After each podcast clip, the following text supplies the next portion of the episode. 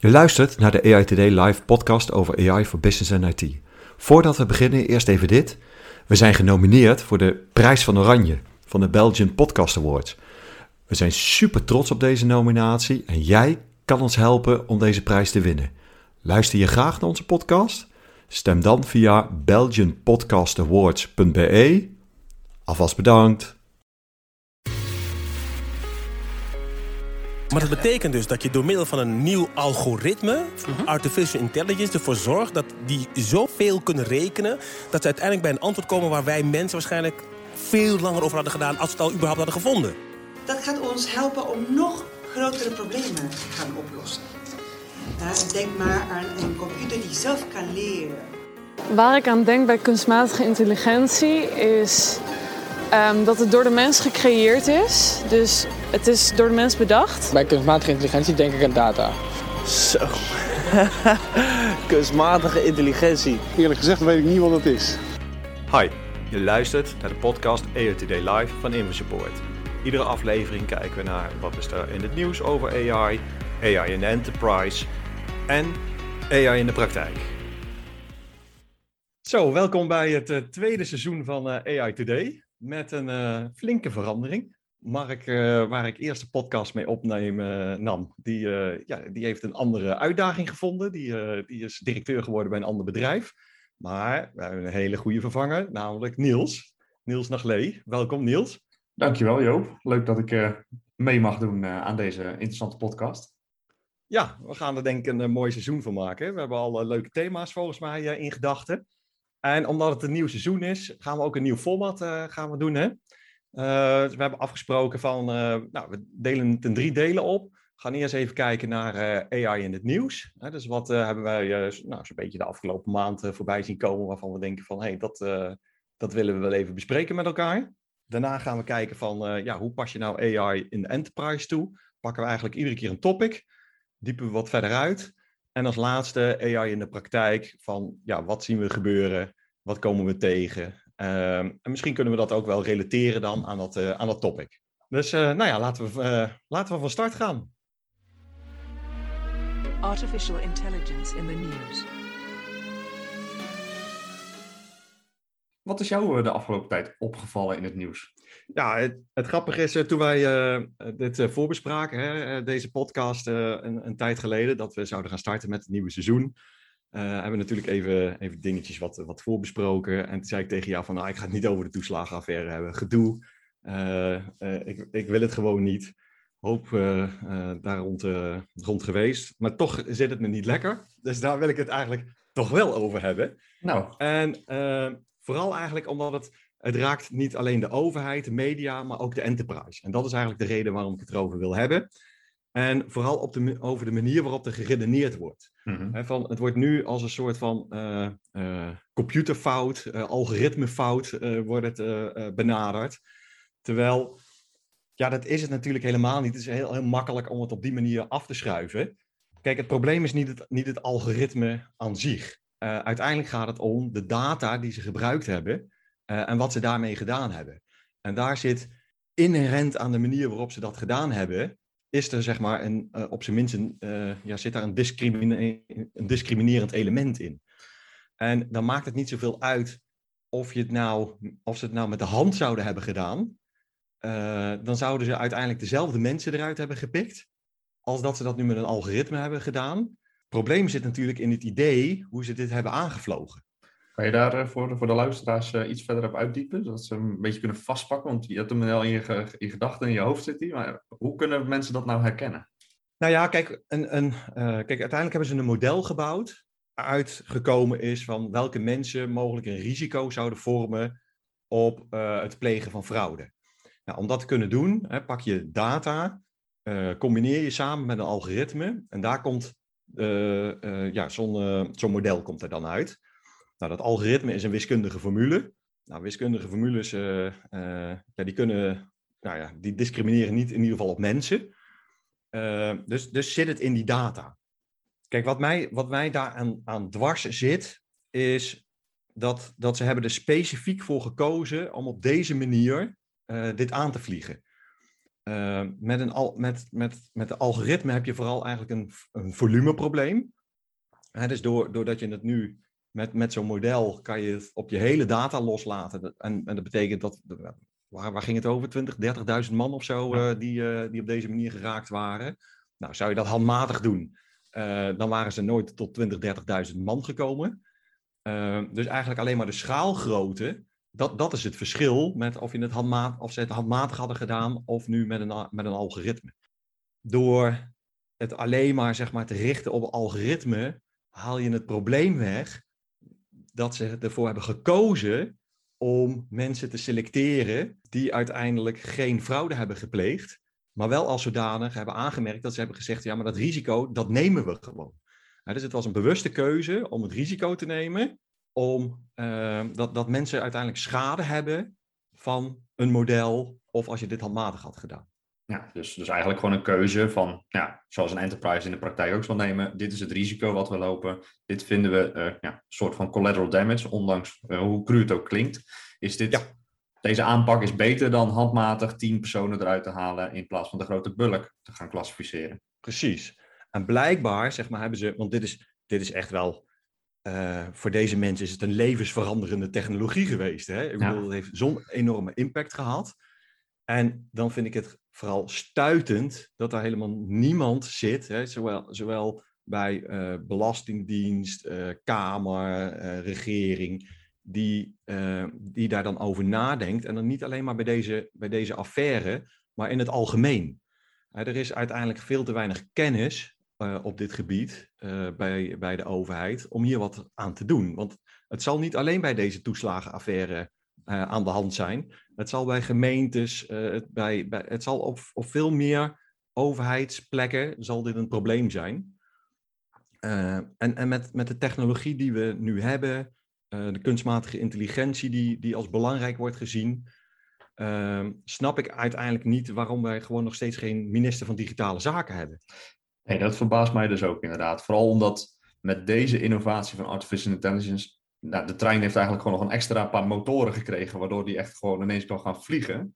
En ja, we kunnen het nu soms al niet bijbenen bij de overheid met de, met de kennis van IT. Laat staan als dit nog verder gaat draaien. En dat gaat het vanaf dit jaar natuurlijk. Hè? Want we gaan gewoon steeds meer zaken van nu in productie zien.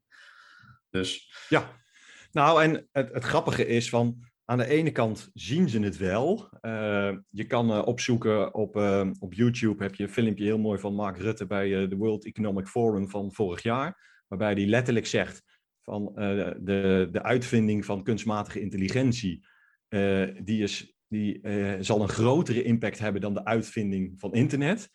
Hij noemt het zelfs de basis zo direct voor het oplossen van de klimaatcrisis, de eh, eh, precisie-agricultuur.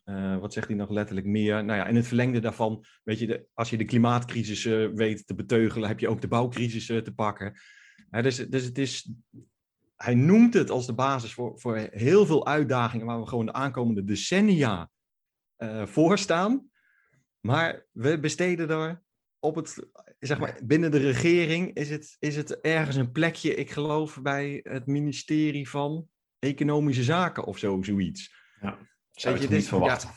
Nee, toch? Nee. Ik zou verwachten dat er, dat er echt dedicated, eh, eh, en dan misschien niet alleen maar kunstmatige intelligentie, maar digitale zaken in het algemeen. Ja, dus de hele, staatssecretaris van, eh, van, van kunstmatige intelligentie of zo.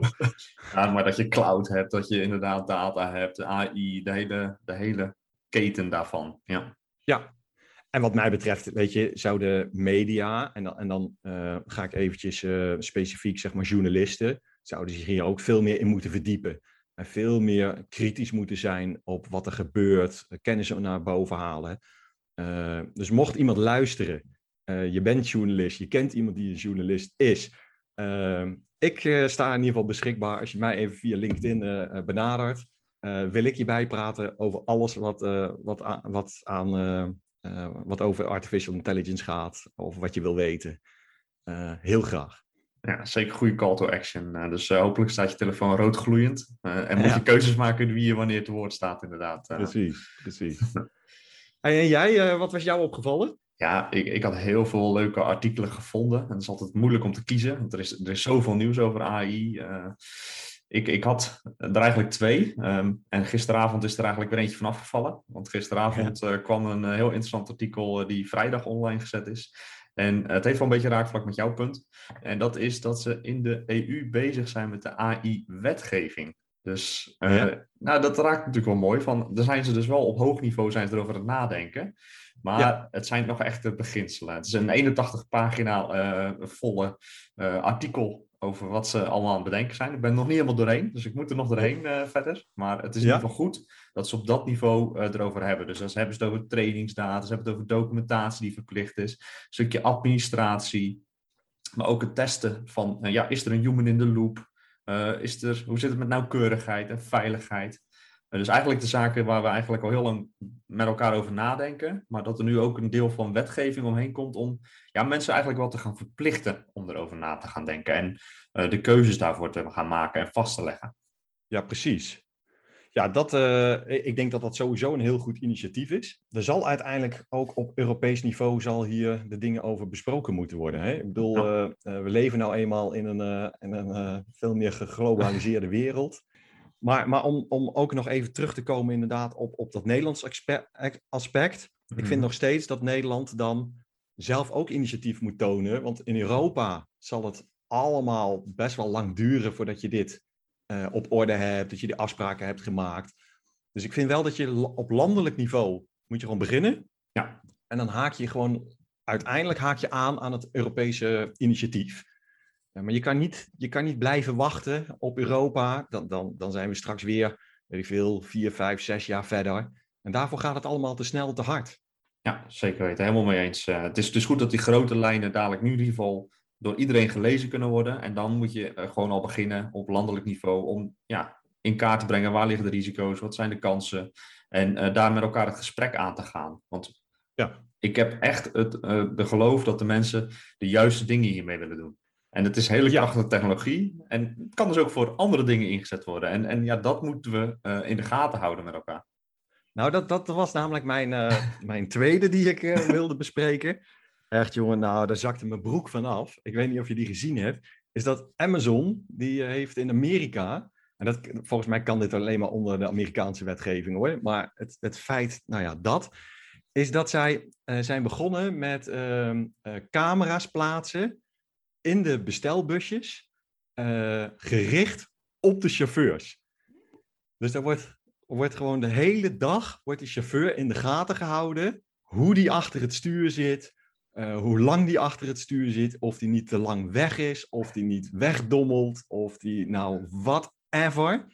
Eh, hij wordt gewoon, zeg maar, gedurende zijn hele dienst. Wordt in de gaten gehouden met een camera. Waar natuurlijk eh, kunstmatige intelligentie achter zit. Om van alles te klassificeren. Van wat hij aan het doen is. En eh, op basis daarvan.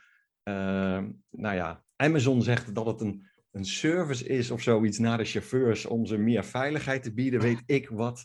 Maar dit is echt, ja, weet je, dit is precies de reden waarom je als land, als Europa, ja, hier eh, mee bezig wil zijn dat je dit soort rare uitwassen gewoon niet krijgt. Het is net wat jij zegt, een hele krachtige technologie, waar je de juiste dingen zo direct mee wil doen. Eh, dus moet je ook de, ja, de andere dingen die je niet wil, eh zul je moeten gaan uitsluiten. Ja, nee, dat is zeker waar. En dat is niet iets wat we alleen met de overheid moeten bepalen. Hè. Dat zijn alle, alle burgers, alle mensen die zouden daar een zegje moeten hebben. Het gaat over publieke veiligheid, het gaat over persoonlijke gegevens. Dus daar moeten we met z'n allen een zegje over kunnen doen. Eh, en niet alleen dadelijk ook vanuit de politiek. Eh, dat kunnen we niet verwachten van de politiek en dat moeten we ook niet willen. Dus daar zullen Ja, we zelf eh, ook helemaal mee eens. en, en als bedrijf kan je echt direct starten. Wij zijn bijvoorbeeld ook aangesloten bij het Trustworthy AI-initiatief in Europa, is dat hè? Ja. Waarbij je gewoon eerst richtlijnen hebt waar je je aan, aan houdt. Zijn zeven richtlijnen waar je aan commit als bedrijf. Dat je zegt van, eh, wij gaan op een goede manier, op een ethische manier, gaan wij om eh, met onze kunstmatige intelligentie. Eh, dus alles wat wij bouwen, houden wij tegen die zeven ja, elementen aan. Eh, dus zoek er maar eens op, Trustworthy AI in Europa. Eh, dan, eh, dan krijg je vanzelf die lijst. eh, eh, nou, we kunnen het misschien ook posten eventjes, het linkje in, eh, bij, de, bij de podcast zelf. Ja, op onze website. Ja, Ja, mijn tweede topic eh, was meer een praktische variant. Ik vind het leuk om uh, brainstormen verder te kijken, maar om ook te zien van wat is er nu al uh, in onze handen wat we kunnen gebruiken. Dus het is een beetje hangt het tegen de, in de praktijk aan, maar dit is er eentje die, die, we, die ik zelf persoonlijk vlak heel interessant vond. we geven vaak presentaties hè, vanuit Infosport op conferenties en nou, oh, nou, heel vaak nu ook vanuit huis. Ja. en ik vind het fijn om feedback te ontvangen. En bij grote groepen is dat altijd lastig. Um, en uh, ook uh, nou, digitaal vinden, vinden, mensen dat uh, altijd wat lastiger om, om, feedback op te geven. Maar ik wil altijd mijn presentaties oefenen. En nu heeft Microsoft een dienst aangeboden die eigenlijk in PowerPoint jouw opname van tevoren zou je gewoon al kunnen oefenen. je presentatie kunnen geven en die geeft dus de feedback op jouw presentatie. Ja, hoe tastbaar, hoe handig is ja, dat? Cool. Hoor ik ja. vaak um, eigenlijk allemaal van die zaken die je onbewust zelf doet. En die worden dan gewoon op het scherm getoond als een soort van review aan het eind. Je hebt uh, zo'n standaard uh, spreeksnelheid, je hebt intonatie heb je erin zitten. Uh, bij deze slide was je wat enthousiaster of minder enthousiast. En zoveel stopwoordjes heb je gebruikt. Ja, dat vind ik, dat vind ik fantastisch om te zien. Het is iets waar ik zelf ook mee bezig was om zelf te ontwikkelen, maar dat is niet meer nodig. Want het is nu gewoon als een dienst kan je hem afnemen. En dat, ja, dat vind ik gewoon fantastisch om te zien. Ja, gaaf. Hey, en heb je gekeken van, uh, uh, wordt Nederlands daar ook al in ondersteund of is het alleen nog in het Engels? Uh? De presentaties die ik gezien heb is nog alleen maar in het Engels. Ehm, maar ja, dat, dat is wel vaker het geval met language detection, dat Nederlands toch altijd naar wat ja. later is of toch zelf opgezet moet worden. ik heb het nog niet getest, dus ik kan niet zeggen dat het er niet in zit. maar wat ik nu gezien heb is met name Engels. Oh ja. Ah, cool. Ja, ja dat zijn echt dat zijn gave dingen. Ja, ja. leuk spul. Hey, zullen we eens eh, even kijken naar, uh, naar ons topic? Uh, ja. Is uh, groeipad hè, van pilot naar productie. Dus laten we kijken naar AI in de enterprise. Ja.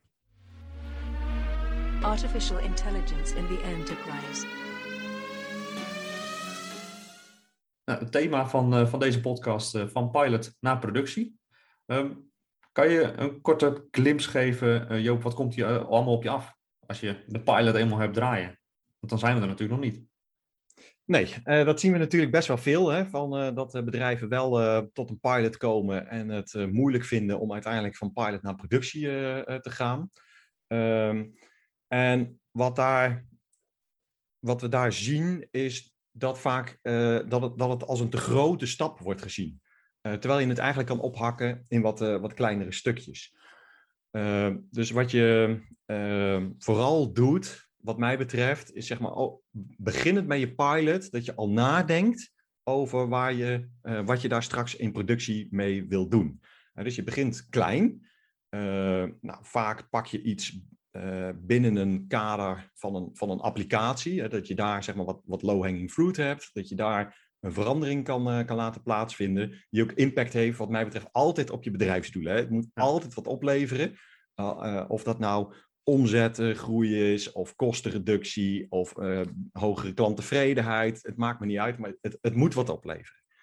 Uh, dat test je vooral in, uh, in je pilotfase. Van, kan je met het model wat je ontwikkeld hebt, kan dat geïntegreerd worden? levert het ook daadwerkelijk iets op om dan naar productie te gaan?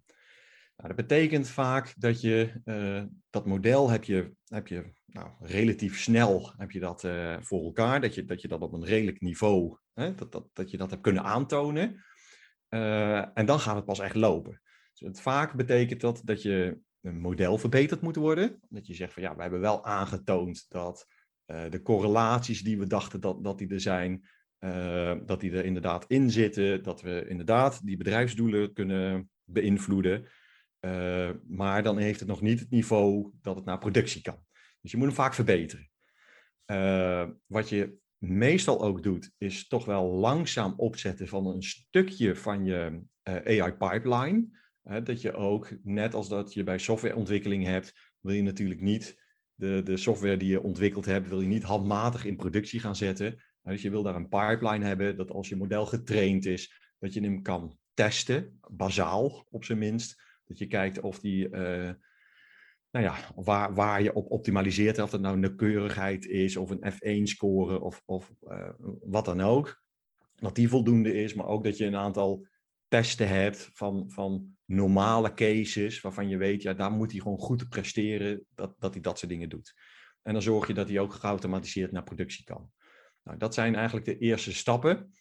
Ehm, stap twee is vaak dat je ook weer gaat kijken van ja, maar hoe krijg ik nou nieuwe data aangeleverd? Want vaak wil je natuurlijk ook dat het model eh, zich gaat aanpassen aan, aan de werkelijkheid van nieuwe data die komt. Uh, dan moet misschien opnieuw getraind worden. Dus je moet weer van ruwe data moet je naar input data, hè, features van je model. Dat deel wil je uiteindelijk ook automatiseren. Ehm, jij noemde net in de Europese richtlijnen al de human in the loop. Ja. He, dus die, die, uh, die ga je vaak eigenlijk al, die, die, die was ik overgeslagen in stap 1, hè, dat je gaat nadenken van, ja, als er besluiten worden genomen die impact hebben op de levens van mensen.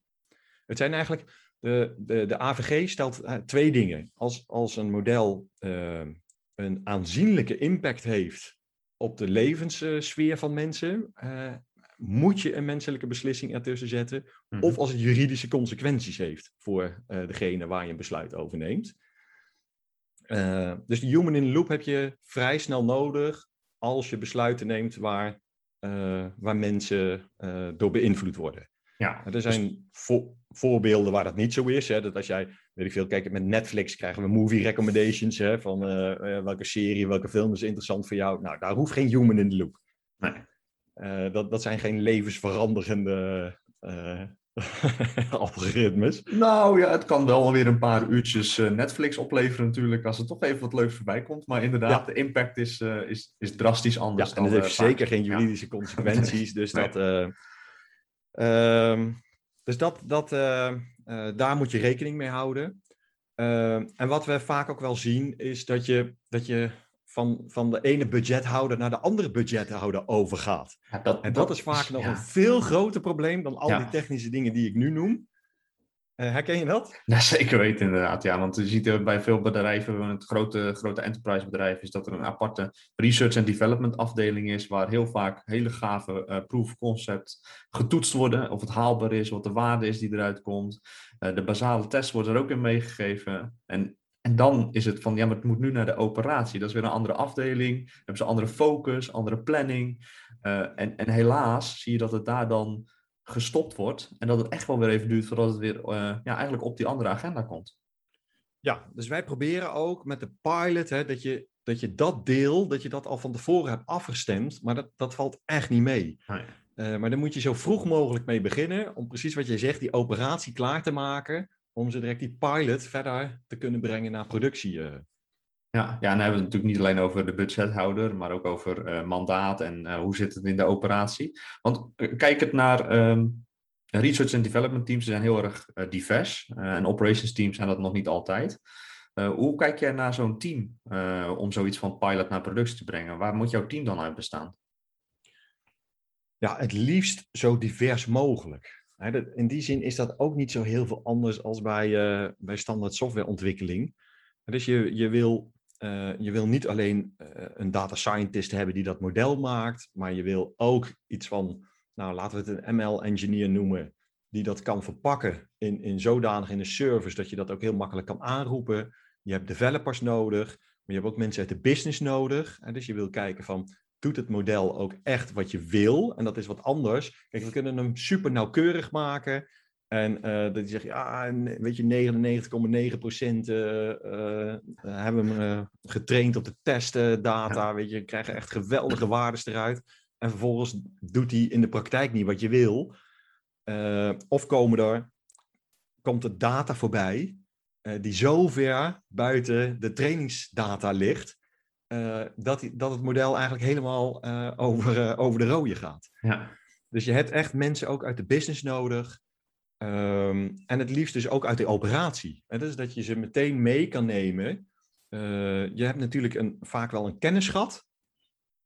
dus mensen die dan meedoen uit de operatie kunnen ook zien ehm, hoe het ontwikkeld is, wat je nodig hebt, kunnen die kennis meenemen om het uiteindelijk ook ja, in productie zo direct verder te ontwikkelen en, uh, en te onderhouden. Ja, belangrijk inderdaad dat die altijd meegenomen worden. Ja, wat ik, wat ik echt nog vaak zie in de praktijk is het stukje uh, business domeinkennis. Uh, dat die wel aangehaakt vanaf het begin af aan bij, bij het eerste opzet. En dan vervolgens gedurende het traject even afhaakt en dan bij het einde weer aanhaakt. Maar mijn persoonlijke uh, opvatting is dat moet je niet doen. Echt vanaf het begin af aan meenemen en continu in het proces erbij doen. Want dit is degene die dadelijk ook weet hoe zit het dan dadelijk onder de motorkap? Wat gebeurt er? Wat voor beslissingen worden genomen? Uh, en ook de domeinkennis heeft van, ja, maar wacht, vijf jaar geleden hadden we een speciaal geval. Hoe gaat die uit het systeem komen? Want dat zien we tegenwoordig wel vaker. En die kennis van de praktijk, ja, die is van essentieel belang voor als het uh, steeds verder naar productie toe gaat, uh, wat mij betreft. Ja, nou, helemaal mee eens. Uh... En, uh, ja, en als ik nog, nog naar die pilotfase kijk, wat ik daar zie, is dat er vaak er ook wel te groot en te moeilijk gestart wordt waardoor de transformatie van, van pilot naar productie ook weer moeilijker wordt. Ja. Dus ik zei net al, hè, begin simpel en dat, dat, dat klinkt ook heel eenvoudig. Maar wat je vaak ziet is dat als je de mogen, als, als, zeker als de business de mogelijkheden ziet van, van kunstmatige intelligentie, dan, ja, dan ontploft bijna hè, van, aan, aan, de ideeën die ontploffen. En, en dan kan het dit en zus en zo. Uh, en dus, dus hou het heel gericht op dat je uh, ja, nou ja, precies wat ik zeg, klein hou. Uh, maar dat geldt ook voor de technologie. Dus de, de, de, degene die dat ontwikkelt, de data scientist of de ML-engineer, moet het ook eenvoudig houden. Dus die kunnen beginnen met eerst maar eens bijvoorbeeld AutoML inzetten. Of uh, standaard algoritmes. Zeker niet als het niet nodig is. Dus als je niet in de uh, de beelden zit, of een video, of in spraak, dat soort zaken. Start gewoon niet met neurale netwerken. Begin gewoon met, met machine learning. En dan dus het liefst AutoML. AutoML is de technologie waarbij, uh, uh, waarbij je de data kan geven. Ehm, en, en kan gaan aangeven waar, waarop je uiteindelijk wil optimaliseren. Wat ook het eh, voorspelde eh, ja, data-element zou moeten zijn. Uh, waar wil je bijvoorbeeld op klassificeren of moet die huizenprijzen voorspellen, dat soort dingen. En dan gaat de computer zelf op zoek naar van wat is nou het meest handige algoritme daarvoor. En dat, dat scheelt niet alleen kosten tijd, maar maakt het ook gewoon eenvoudiger. en in het begin, wat ik zei, het model hoeft niet per se meteen in één keer helemaal goed te zijn. Je wil in die pilotfase wil je vooral aantonen dat je impact kan maken, nogmaals, op die bedrijfsdoelen. En dat je uh, ziet dat er een correlatie is tussen jouw data en wat je uiteindelijk zou willen voorspellen, klassificeren of, uh, of wat dan ook. Ja, dus eigenlijk ook niet anders dan dat je een uh, applicatie gaat bouwen. Kijken van, hey, gaan we hier het doel behalen? Kunnen we het hiermee gaan behalen? ja, mooi, dan kunnen we door, inderdaad. Ja, ja, en dan heb je dus aan de businesskant heb je het eenvoudig. Heb je het aan de technologiekant heb je het eenvoudig. En dan kan het veel beter naar productie. Ja. En ook zelfs die stap in productie, ook die kan je weer vereenvoudigen door te zeggen van misschien wil je niet al je gebruikers blootstellen aan de nieuwe functionaliteit, maar zeg je van nou ja, weet je, laten we een soort van beta-groep maken. Of uh, dat je A-B-testen doet. Hè, dat je zegt van ja, maar ik, ik ga met een klein uh, geselecteerde groep.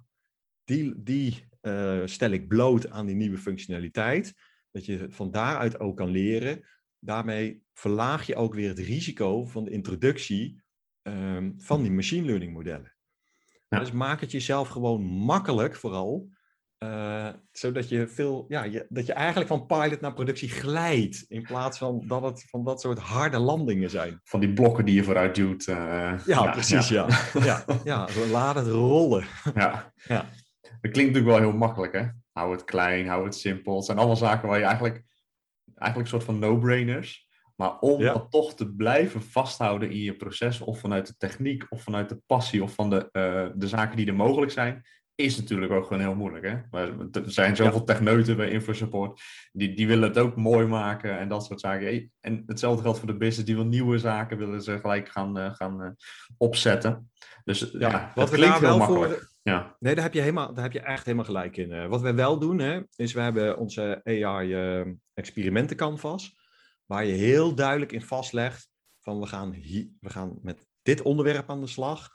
Uh, we, we, dit zijn de kaders, dit is onze hypothese die we willen bewijzen. Uh, en daarmee zou je constant kunnen toetsen van, ja, als we dit doen, draagt dat bij aan uiteindelijk het toetsen van de hypothese en beïnvloeden we nog steeds zeg maar, de dingen, eh, ja, bijvoorbeeld de klanttevredenheid of de, de winst waar we voor gekozen hebben. Dat we zeggen van ja, maar dat wil je met zoveel procent, wil je dat verbeteren of zo.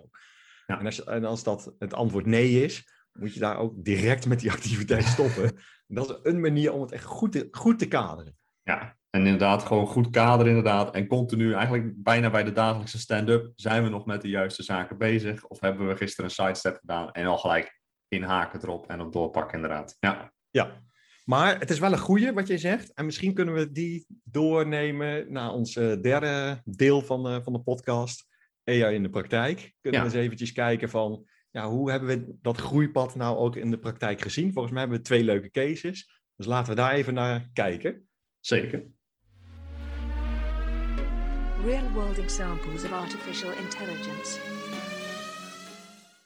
Ja, dus eh, hoe houden we het eenvoudig in, eh, in de praktijk? Hoe zorgen we nou dat we van pilot naar productie kunnen? En volgens mij heb jij een leuke case, Niels, waar jij aan gewerkt hebt bij, eh, bij Westvoort. Ja, zeker. Dat is een, eh, een eh, casus eh, waar we het, nou, denk een paar maandjes geleden, of misschien al iets langer, mee gestart zijn. En goed om te weten is, we hadden één groot voordeel hierbij. Namelijk geen persoonsinformatie. Het gaat namelijk, Westvoort is een, een slachterij.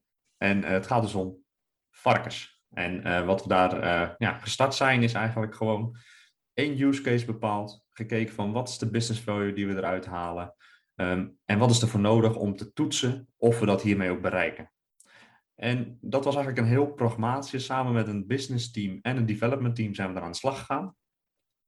En hebben gewoon ja, hands-on, camera opgehangen, model getraind met de eerste paar foto's die gemaakt zijn. En vervolgens dat stukje eh, eigenlijk teruggegeven aan de business en gezegd van, goh, is dit nou goed? Wat voor waarde halen we hieruit? En gaan we hiermee door of gaan we hier niet mee door? Zoals mensen passie hebben voor IT, hebben mensen ook passie voor hun vak. En dat was echt te Ja. zien, want we hadden het demo hadden we klaargezet. En eh, ja, die varkens komen dus op de slachtlijn komen die voorbij. En eh, nou ja, de mensen waren eigenlijk niet meer naar mij aan het luisteren, waren gewoon aan het kijken naar de videostream waar de klassificatie op plaatsvond. En eh, ik heb hem op een gegeven moment uit moeten zetten, want de waarde was zo, zo mooi om te zien. Dat ze eigenlijk meer daarna bleven kijken dan dat ze naar, eh, ja, naar mij over de presentatie en over de business value die we er weer uit konden halen. Ja, hadden. Dus ja, dat is mooi om te zien. En, En, ja, als we naar de, naar de technische kant kijken, want Mhm. eh, daar, ik zei ook van, eh, ja, hou het daar ook eenvoudig. Hoe, Ja. hoe hebben jullie daar eenvoudig gehouden? Ja, ik, ik ben zelf van het principe van een soort van taartmodel. Ehm, er zijn gewoon heel vaak zijn er services die je kan gebruiken. De, de Microsoft, de Amazons, die hebben gewoon al diensten voor objectherkenning en ook image recognition. Eh, eerst kijken of het daarmee eh, op te lossen is. Nou, dat was het niet. Nou, dan gaan we een stapje lager de diepte in. En eh, de Wat, tweede wat, is... kon die, wat kon die niet dan, bijvoorbeeld? Letterlijk het geslacht herkennen van een varken, wat we graag wilden doen. Ja, dat zat er gewoon niet in. Hij kon wel herkennen Oh ja. dat het misschien een, een varken was. Maar Ja. voor de rest konden we niet bereiken wat we ermee wilden bereiken. Oh ja, ja. Dus ja, helaas, de service aanroepen alleen was niet voldoende. Dus we zijn een stapje dieper in gegaan. Ehm, en ook niet dieper dan nodig was. Want eigenlijk bij de tweede laag, dat is de custom eh, AI. En dat is eigenlijk het gebruik maken van de bestaande modellen. En die voeden met nieuwe data. En eh, vervolgens dus daar de klassificatie ook aan mee gaan geven. En ook nog gewoon binnen dezelfde service met wat extra eh, model additions. Dus, dus eigenlijk het geslacht kunnen herkennen van die plaatjes. was in dit geval al voldoende. Dus we hoefden geen eigen modellen te gaan maken. We konden gewoon de service met een paar additions extra, konden we de oplossing al gaan, eh, gaan realiseren. Ja, maar dat is, dat is een, eh, een service. Hè? Dus, eh, het, het is een bestaand model waarbij je met het uploaden van eigen foto's en, en labels die je aan de foto's kan hangen, een, extra stukje kan trainen. Ja. Dat je zegt van, ja, dit is, di- di- dit is A en dit is B. En, Ja. en zie dat van elkaar te onderscheiden. Ja, klopt. Dus in dit geval was het Custom Vision eh, AI-oplossing eh, van Microsoft. En eh, wat hij doet is, hij houdt gewoon de eerste modellen, die houdt hij allemaal, maar hij plakt er extra lagen aan vast. Om eigenlijk die einde, eindklassificatie nog steeds naar eh, ja, jouw klassificatie toe te gaan brengen. Dus daarmee Ja, maak je al heel veel gebruik van de herkenning in de foto's eh, van de bestaande modellen. Ja, dus zelfs, hè, dus ik zei net van als je eh, pla- plaatjes hebt, neurale netwerken, maar Ja. eigenlijk wa- was ik daar ook alweer te snel. Zeg van nee, maar je kan met bestaande modellen kun je uitbreiden, die al Ja. worden aangeboden, en dan is het nog eenvoudiger paar foto's eigenlijk uploaden. Waarschijnlijk uit allerlei verschillende hoeken met verschillende belichtingen of zo. Klopt, ja. Dus je hebt wel, je hebt wel een, een flinke set aan gegevens nodig, denk ik. Ja, daar, daar zat ook wel wat tijd in. Eh, Je moet wel even de data goed verzamelen, ook goed klassificeren. Dus daar heb je echt even de domeinkennis van nodig. Waar herken je het nou aan? Wat zijn de kenmerken? En eh, ja, vervolgens dus die hele dataset weer gaan aanbieden. Ja, Hey, en eh, hebben, zij, eh, hebben zij het in productie genomen? Jazeker. Eh dat is, daar hangt nu gewoon een camera die de software aanroept en continu eigenlijk de klassificatie aan het doen is. Ja. Het was ook en eigenlijk wat- een kleine stap. Dat was het Ja, wa- ja want wat, wat maakte het zeg maar een kleine stap voor hun om dan wel van pilot naar productie te komen? Nou, we hebben het echt gewoon zo klein kunnen houden. We hadden, we hadden genoeg andere use cases die naar boven kwamen met andere zaken die we konden gaan herkennen, eh, uitbreidingen op te doen. Eh, maar eerst maar eens gewoon bewijzen eh, dat dit goed blijft werken in productie. Want ja, zo'n pilotfase, dan heb je foto's, je hebt de dataset, je hebt een paar tests. Maar laat hem maar eens een paar keer draaien. Laat maar eens dagen vol gaan doen. En blijf maar eens kijken of die eh, accuracy zo blijft zoals je hem tijdens je pilotfase hebt. Dus eigenlijk ook weer gewoon het bewijsdrang van werkt het zoals we willen, voordat we met de volgende oplossing al aan de slag gaan. gaan. Ja, precies. Hey, en wat was hun impact dan op, eh, op een eh, doelen, zeg maar? Wat, wat, wat leverde uiteindelijk het systeem op? Het systeem leverde meer inzicht op, eh, op die klassificatie. Die klassificatie gebeurt ook eh, nog steeds naast het model door de mensen die eh, aan de lijn staan. Dus het is eigenlijk Ja. een extra vastlegging van de klassificatie. En die kan je dus gewoon meenemen gedurende de hele levensduur van het product. In plaats van voor dat moment moet je weten is het een of het ander. En dan kan er aan de slaglijn anders gehandeld worden. Ehm, maar daarna was de data eigenlijk niet meer beschikbaar. En wat we hiermee Oh ja. verzorgd hebben, is dat die data dus continu vastgelegd wordt bij de producten die voorbij komen. eh, zodat je dus altijd terug kan. En dit zorgt voor betere logistiek en eh, betere klanttevredenheid. Want als je het verkeerd klassificeert, klassificeert en je geeft het verkeerde product, nou, dan krijg je dus het verkeerde product geleverd bij de klant. Dan moet je Ja, weer zorgen dat logistiek weer terugkomt. Dan moet natuurlijk financieel wat eh, vergoed worden. Dus zo zie je dat klanttevredenheid en procesoptimalisatie toch echt ja, een stuk beter eh, kan worden met eh, toevoeging van nieuwe data. Ja, en ik neem aan dat er ook eh, minder fouten worden gemaakt, waardoor je, waardoor je uiteindelijk ook een procesverbetering hebt. Ja, zeker weten. En dat is ook het doel geweest inderdaad. ja, Ja, om ook de mensen te ondersteunen bij hun werk. Ja, Ja. cool. Maar goed Joop, dat was, eh, dat was een voorbeeld uit mijn eh, koker en eh, mijn sector, waar ik actief in ben. Ik ben wel nieuwsgierig geworden. Wat is jouw voorbeeld voor deze keer? Ik heb een voorbeeld uit de financiële wereld. Bij een grote bank zijn wij bezig. En zij delen, ze hebben een grote kennisbank, die zij niet alleen onderling met de medewerkers kennis uitdelen, maar ook met grote klanten. Die, die zitten daarop. En wat je natuurlijk niet wil, is dat er gevoelige informatie gedeeld wordt. En dat kan eh, beursgevoelige informatie zijn, maar dat kunnen ook persoonsgegevens zijn. En in dit geval, om het klein te houden en het heel concreet te maken, hebben we vooral gekeken naar of er geen eh, gebruikersnamen en wachtwoorden worden gedeeld. Want dat zou natuurlijk heel erg slordig zijn. Ja. Eh, maar je moet je voorstellen dat er zo'n eh, nou, tot 10.000 edits per dag plaatsvinden op dat, eh, op dat platform.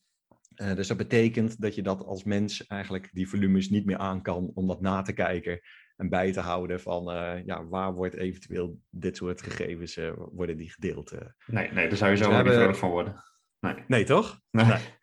Nee. Dus wij hebben een, eh, een eh, model ontwikkeld die eh, nou ja, ook daarna op zoek is. Hè, dus bij iedere aanpassing van, de, eh, van die kennis nagaat van, ja, wordt hier een gebruikersnaam, wachtwoord, wordt dat gedeeld ja of nee? Nou, ook daar zijn wij aan de technologiekant zijn we klein begonnen. Dus we hebben eerst gekeken van, kunnen we dat vrij eenvoudig eruit halen. Wat we gedaan hebben is ook gebruik gemaakt eh, van, eh, van Azure Services. Dus we hebben gebru- gebruik, gemaakt van, eh, van LUIS, de Language Understanding Service. Om, wat je daarmee kan doen is intent detectie. En dus we hebben eigenlijk eerst gekeken eh, van kunnen we de intentie van het delen van gevoelige, eh, nou ja, niet gevoelige informatie, van, van username wachtwoord, kunnen we dat eh, eruit halen uit een hele zin. Want je kan natuurlijk niet alleen maar gewoon zoeken op, eh, staat er ergens username dubbele punt of eh, password dubbele punt. Ja, dat kan wel, maar dan haal je niet alles eruit. eh. Nee. Dus we, we kijken eigenlijk eh, zin voor zin van wordt hier, ja, is hier de intentie om dat eh, eh, te delen? Eh, zo ja, dan pluizen we uiteindelijk... Mijn, mijn Siri eh, die, eh, die gaat meedoen van de iPad. We hebben een gastspreker voor vandaag. Ja, Siri moet even de mond houden. Dus de, we hebben het in tweeën gehakt. Dus eerst eigenlijk kijken per zin van ja, wat is de intentie van de zin. En daarna ga je het helemaal uitpluizen van wat staat er precies in die zin. Dus wat wij gedaan hebben is eigenlijk het probleem opgehakt in twee kleine probleempjes. Die aan elkaar geknoopt. En zo eigenlijk eh, best een heel complex vraagstuk toch eenvoudig opgelost. Om het met Lewis aan de slag te gaan en dat met 10.000 ja, veranderingen, maar dat betekent dus eigenlijk meer dan 10.000 zinnen. Dus dan heb je het misschien wel over 50.000 zinnen. Dat is toch een beetje een dure oplossing. Ja. Eh, maar we hadden daarmee wel aangetoond dat het kon. Eh, maar gezegd, ja, maar als we naar deze schaal het moeten brengen, dan is het echt te duur.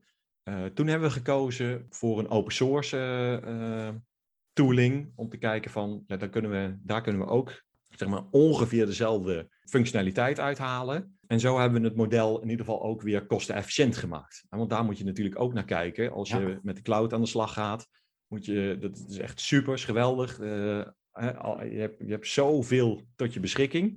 Maar het moet uiteindelijk wel kostenefficiënt zijn. Maar het zorgde er wel voor dat we heel snel konden bewijzen eh, dat het kon. En daarna hebben we er eh, iets langer over moeten doen om het over te bouwen. Eh, maar wisten we in ieder geval dat het daarna ook zou werken. Ja. En een vraag die bij mij opkomt. Hoe, eh, hoe zijn de businessmensen, dus, dus de mensen vanuit met de domeinkennis aangehaakt in dit verhaal? Want het is toch best wel een technisch vraagstuk. Ja, niet. Nee, Niet. nee hier, wat, wat we hier hebben is ehm, eh, het, het platform wordt echt door, door een platformteam onderhouden. Mhm. En de product owner van het platformteam, die was betrokken zeg maar, in het traject. Eh, want het is ook voor de gebruiker zelf, is, is dit onzichtbaar. Ja. Eh, die kan uiteindelijk door beheerders, zeg maar, eh, gemeld worden van, hey, je hebt, hier heb jij informatie gedeeld, haal dat eraf.